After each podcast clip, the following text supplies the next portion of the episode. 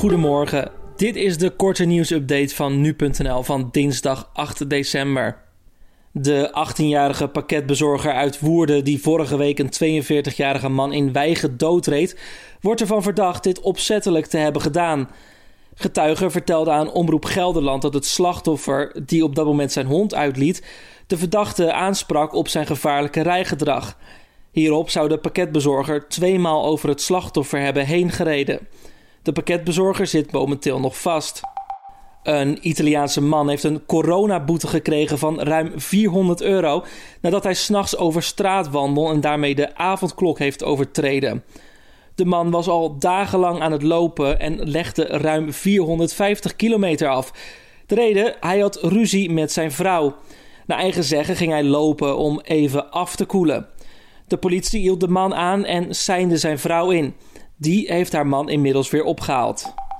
Hashtag coronavirus en hashtag Black Lives Matter zijn in 2020 veruit de meest gebruikte hashtags op Twitter in Nederland.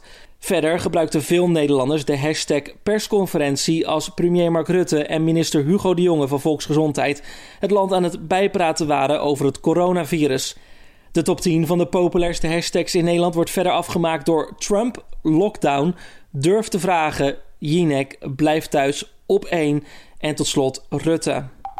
Burgemeesters zijn vrij positief over de naleving van de mondkapjesplicht die op 1 december is ingegaan. Dat zei Hubert Bruls, voorzitter van het Veiligheidsberaad, maandagavond na afloop van de vergadering met de burgemeesters.